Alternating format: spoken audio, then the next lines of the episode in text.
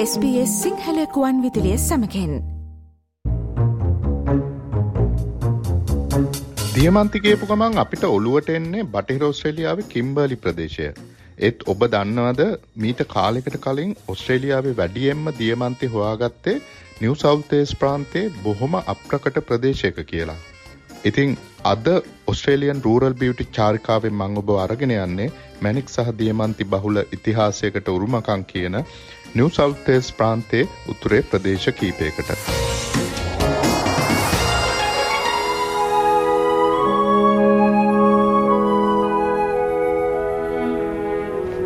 දියමන්ති කියන්නේ ලෝකෙ තියෙන වටිනාම් පාශානය ලෝකෙ දියමන්ති නිපදන ප්‍රධාන රටවල් පහතරේ ඔස්ට්‍රේලියාවත් ඉන්නවා. බටහිර ඔස්ට්‍රේලියාවේ ඊස්ට් කිම්බර්ලි වල පතල්වල හම්බවෙන රෝස දියමන්ති වටිනාකම අතින් ඉතාම ඉහළයි. ඉතාම ඈත අතීතයේ ඉඳන් ලෝකෙ විවිධ ප්‍රදේශවල දියමන්ති හොයාගත්තත් ඔස්ට්‍රේලියාවේ මුලින්ම දියමන්ති හම්බ වෙන්න ගත්තේ 1851 දී නිව් සවුත් වේල්ස් ප්‍රාන්තයේ බැතර්ස් ප්‍රදේශයේ. ඊට පස්සේ අද අපි රූරල් බියුටි චාරිකාවෙන් යන්න යන ප්‍රදේශයේ විශාල වශයෙන් දියමන්ති හම්බ වෙන්න පටන් ගත්තා. ඒ එක්කම ඒ ප්‍රදේශය ඔස්ට්‍රේලියාවේ වැඩිම දියමන්ති හම්බ වෙන ප්‍රදේශය බවටත් පත් වුණා. ඉතින් අද අපි චාරිකාවේ යන්නේ ෆොසිකර්ස් වේ. එහෙම නැත්නම් ගරන්නන්ගේ පාරේ හම්බ වෙන ප්‍රදේශ කීපයකට. දියමන්ති වලට ප්‍රසිද්ධ වුණ බින්ගාරා සහ මැනික් සහ රත්තරන් වලට ප්‍රසිද්ධ වරියල්ඩා කියන උතුරු නිව් සවුත් වේල්ස් ප්‍රාන්තයේ කුඩා නගර දෙකකට තමයි අද අපේ චාරිකාවේ යන්නේ. මීට අවුරුදු ගණනාවට කලින් මම ක්වීස්ලන්තේ මැද තියෙන මැනික් බහුලව හම්බේන මැනික් පුරයකට ඔබ අරගෙන ගියා. ඉතින් මේ වරියල්ඩා සහ බිංගාරා ප්‍රදේශ තමයි නිව් සවුත් වේල්ස් ප්‍රාන්තයේ රත්නපුරය. ඒ පැතිවල තියෙන ඇලූවියල් පාෂාණ තට්ටු අතර මැනික් වලට අමතරව ක්‍රිස්ටල් වගේ අලංකාර පාෂාණ රත්තරන් දියමන්ති එහෙම හම්බ වෙනවා.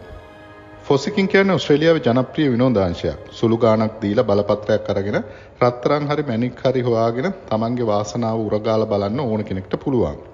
එහෙම කරද්දී ගෝල් නගට් කියන රත්තරන් කෑලි වගේම මැණික් ගල් උනත් හම්බ වෙච්ච අය ඕන තරම් ඉන්නවා. ඔය වරියල්ඩා බිංගාරා කියන ප්‍රදේශ තියෙන්නේ ෆොසිකර්ස් වේ. එහෙම නැත්නම් ගරන්නන්ගේ පාරේ. ඒ පාරේ තියෙන ප්‍රදේශවල ওই වගේ ගැරීමේ අවස්ථා, ඒ කියන්නේ මැණික් සහ රත්තරන් වගේ දේවල් හෙවීමේ අවස්ථා ඕන තරම් තියෙනවා. මේ ප්‍රදේශ තියෙන උතුරු නිව් සවුත් වේල්ස් ප්‍රාන්තයේ ක්වීන්ස්ලන්ත ප්‍රාන්ත සීමාවට ළඟින්. බ්‍රිස්බේන් වල ඉඳන් ආවොත් පැය 5කින් විතර මේ ප්‍රදේශවලට ළඟා වෙන්න පුළුවන්. වරියල්ඩ සහ බිංගාර කියන්නේ තවමත් පැරණි ගතිය රැකගත්ත නිව් සවුත් වේල්ස් ප්‍රාන්තයේ උතුරේ තියෙන සානු අතර තියෙන කුඩා නගර දෙකක්. ජනගහනයත් හරිම අඩුයි. ඒත් හරිම සුන්දර ප්‍රදේශ දෙකක්. ඉතින් මේ සුන්දර ප්‍රදේශවල දිලිසෙන මැණික් ගල්වල අතීතයට යටින් තිබ්බ අඳුරු අතීතයත් ටිකක් හොයලා බලන්න මට හිතුණා. බිංගාර කියන ඇබුරිජින් නමේ තේරුම තමයි නොගැඹුරු තොටුපොළ කියන එක.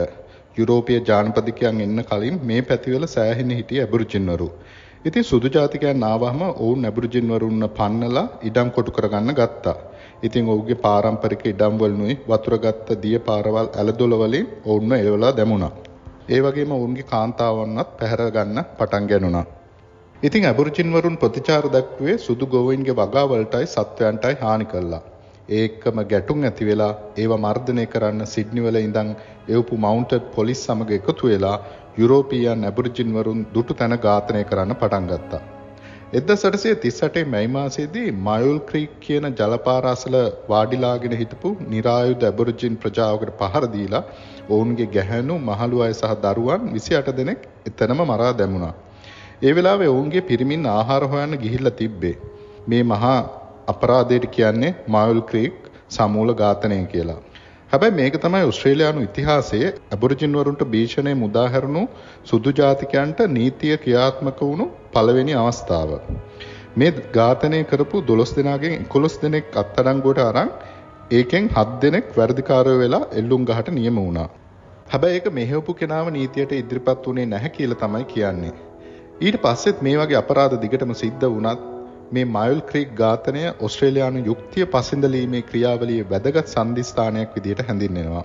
අද ඒ ඝාතනය සිද්ධ වෙච්ච තැන සහජීවන ස්මාරකයක් තනල් තියෙනවා. හැම අවුරුද්දම ජූනි මාසේ මේ සිදුවීම සමරනවා. පස්සේ කාලෙක මැනික් දියමන්ති රත්තරන් හම්බ වෙන්න පටන් ගත්තට පස්සේ බිංගාර සහ වරියල්ඩා ප්‍රදේශ හැඳින්වෙන්න ගත්තේ ජෙම් කන්ට්‍රි කියලා. ඉතින් ඒක සිංහලට හැරෙවුවොත් රත්නපුරය කියලා තමයි කියන්න වෙන්නේ. බිංගාර සහ වරියල්ට අයිති වෙන්නේ ග්වයිඩ කියන ප්‍රදේශයට. ග්වයිඩ ගඟ බිංගාර හරහා ගලා බහිනවා. කඳු අතරින් ගලා බහින මේ ගංග ප්‍රදේශයට අමුතු සුන්දරත්වයක් එකතු කරනවා. මම මේ ප්‍රදේශවලට ගිය ජූලි මාසේ. ඉතින් මේ ප්‍රදේශවල අධික සීතලක් තිබ්බා.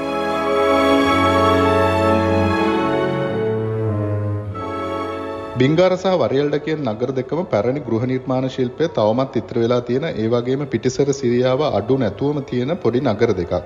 ඒ නගර දෙකේම මැණික් රත්තරන් ගැන කෞතුකාගාර දෙකක් තියෙනවා. ඉතින් ඒ වගේම මේ ප්‍රදේශයේ දිදුලන ඉතිහාසය ගැන තොරතුරු දැනගන්න ඒ වගේම පුළුවන්. වරියඩවල ඉඳන් කිලෝමීටර් 8කින් විතර තියෙනවා රීඩි ක්‍රීක් කියන වතුර පාරේ ක්‍රැන්කි රොක් කියන ස්වභාවික පිහිටීම.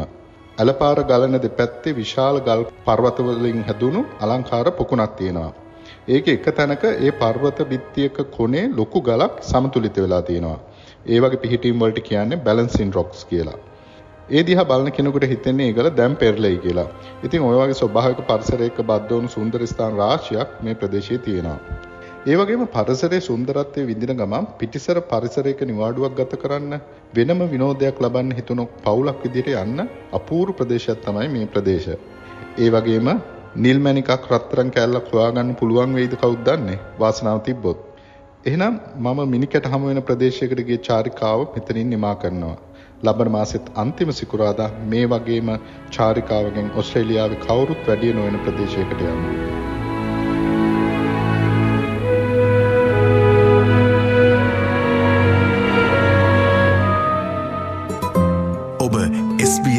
ගුවන්විතලය සමගින්.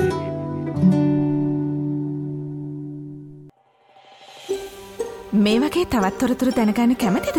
එහමනම් Apple podcast Google podcast Spotify ඔබගේ පොඩ්කාස්ට ලබාගන්න ඕනෑම මාතයකින් අපට සවන්දය හැකේ.